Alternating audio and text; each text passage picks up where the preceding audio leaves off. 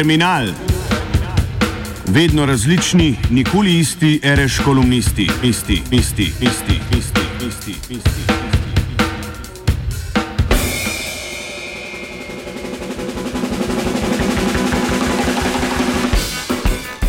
Sto petdeset let po pariški komuni.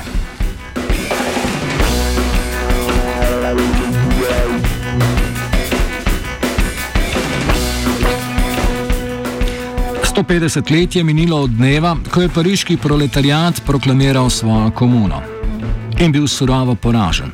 Tako kot je bil 120 let pozneje poražen tudi socializem, z njim pa pokopano upanje o boljši družbi. Razrede so nadomestili priročni pojmi potrošnikov in davkoplačevalcev. Kapitalizem se skriva za navidez prijaznejšim pojmom tržnega gospodarstva. Njegovi nasprotniki uporabljajo zmrljivko neoliberalizem. Znotraj njega se, spet navidez, borijo za demokracijo, ki jo ogroža lasten otrok. Liberalizem. Propagandna mašinerija kapitalizma ni uspešna pri kovanju pojma, ki bi zakril pospešeno dohodkovno in premožensko ter vse stransko razslojevanje, prepad med bogato manjšino in večino, gromozanski uspon parazitske financializacije in plutokracije.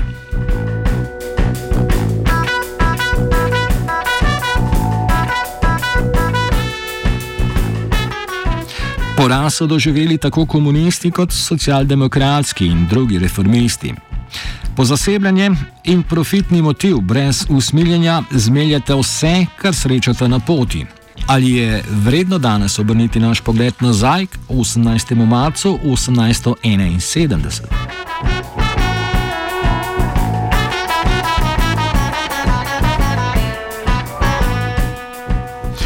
Ob svojem nastanku je bila komuna najbolj zdrav, življenja zmožen rezultat predhodne francoske zgodovine.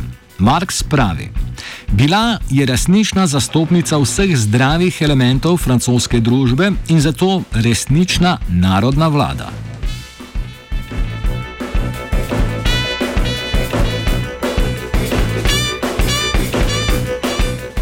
Komuna je odpravila obe največji postavki državnih izdatkov, armado in uradništvo, in tako uresničila geslo vseh buržoaznih revolucij: poceni vlado. Vsi člani komune so morali opravljati javno službo za delovsko mezdo. Posebne pravice in privilegiji visokih državnih dostojanstvenikov so bili ukinjeni. Javne službe so prenehali biti zasebna lastnina podrepnikov vlade. Sodniki so izgubili navidezno neodvisnost, ki je služila prikrivanju njihove pokornosti vsem vladam. Postali naj bi voljeni, odgovorni voljivcem in odstavljeni ter plačani kot uradniki. Duhovniki so se morali vrniti v tišino zasebnega. Komuna je kmete osvobodila davka, s katerim naj bi poplačali stroške vojne odškodnine Prusiji. Sprejela je več socialnih ukrepov odprava močnega dela pekovskih, pekovskih pardon, odprava nočnega dela pekovskih pomočnikov, prepoved zniževanja delovskih mest, izročitev vseh zaprtih delavnic in tovaran delovskim zadrugam, ne glede na to, ali je njihov lasnik pobegnil ali sam ustavil delo. Ljudstvo so ljudstvu so brezplačno odprli vse šole in jih osvobodili vsakršnega umešavanja države in cerkve.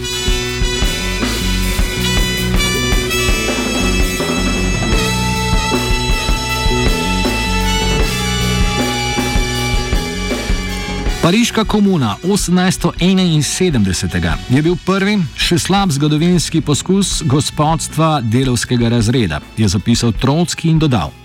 Mi cenimo spomin komune kljub skrajni omejenosti njene izkušnje, slabi pripravi njenih udeležencev, nejasnosti njenega programa, pomankanju enotnosti med voditelji, neodločnosti načrtov, brezupni zmedi pri njihovem izvajanju in strašnem fatalnem propadu, ki je sledil iz vsega tega.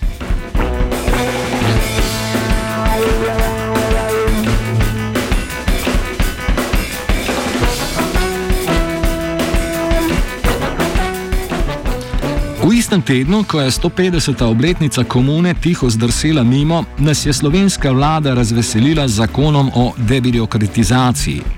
Na tem mestu ga ne bi omenjali, če ne bi posegel tudi v socialno državo, izboljšal položaja bogatih in odprl vrat za spremembe socialnih zavarovanj v smer zmanjšanja solidarnosti.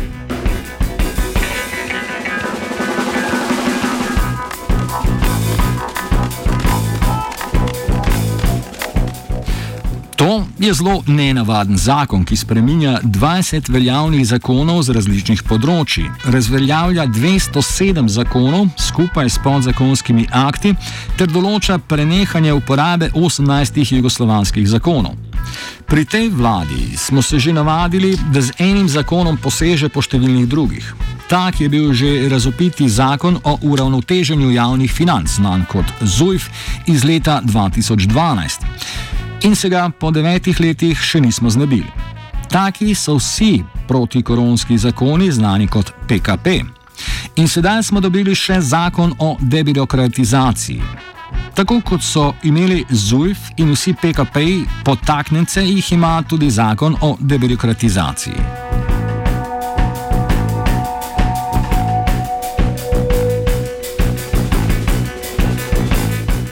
Zadnji potaknjenec, ki zelo bode v oči, je sprememba zakona o prispevkih za socialno varnost, ki prinaša najvišjo osnovo za plačilo prispevkov za socialno varnost. Doslej smo vsi plačevali prispevke za pokojninsko in invalidsko zavarovanje, zdravstveno zavarovanje, starševsko varstvo in zavarovanje za brezposobnost, od bruto plače, ne glede na njeno višino. Po novem pa naj bi se vsi prispevki plačevali le do višine bruto plače 6000 evrov. Kaj je s predlogom narobe?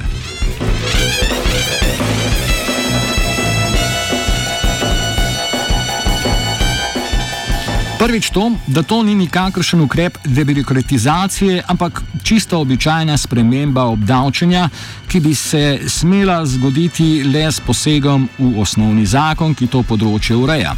Gre za izjemno pomemben zakon z področja socialne varnosti in za zelo pomembno odločitev o prihodnjem razvoju socialne države. Še zlasti o pričakovanju pokojninske in zdravstvene reforme ter ureditve dolgotrajne oskrbe. Ali lahko upamo na blokado predlagane spremembe strani zakonodajne službe državnega zbora, bomo še videli, saj je njena moč omejena. Kje so tisti časi, ko smo se z zakonom, z zakonodajno službo prerekali, ali smemo kakšno posebnost upravljanja z javnimi financami zapisati v zakon o izvrševanju proračuna mimo sistemskega zakona o javnih financah?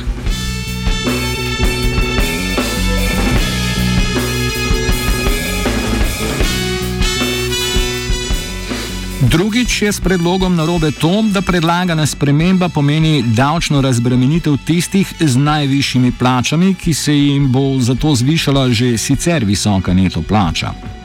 Po podatkih statističnega urada je bilo takih v lanskem letu okoli 13 tisoč. Po strukturi pa gre predvsem za zaposlene moške v poklicih zakonodajalec, visoki uradnik in član uprave družbe. Zato je govorjenje o tem, da bomo na račun predlaganih sprememb zadržali v Sloveniji zdravnike, inženirje in razvojnike ter pridobili nove visoko izobražene kadre iz tujine, samo prazno besedičenje in zavajanje.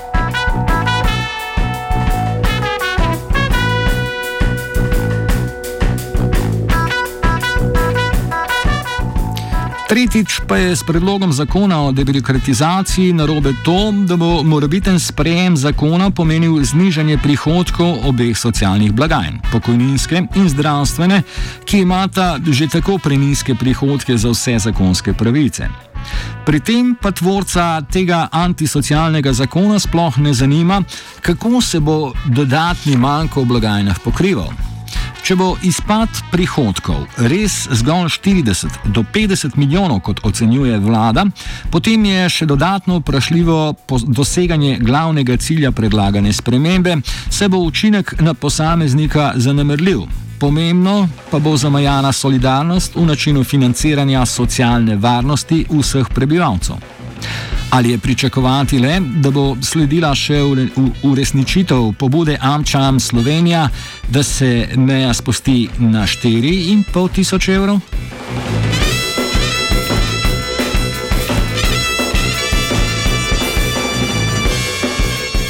Terminal je pripravila Helena Kamnar.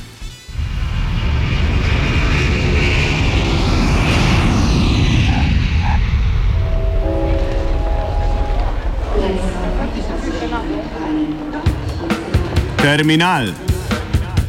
Vedno različni, nikoli isti, reš kolumnisti, isti, isti, isti. isti.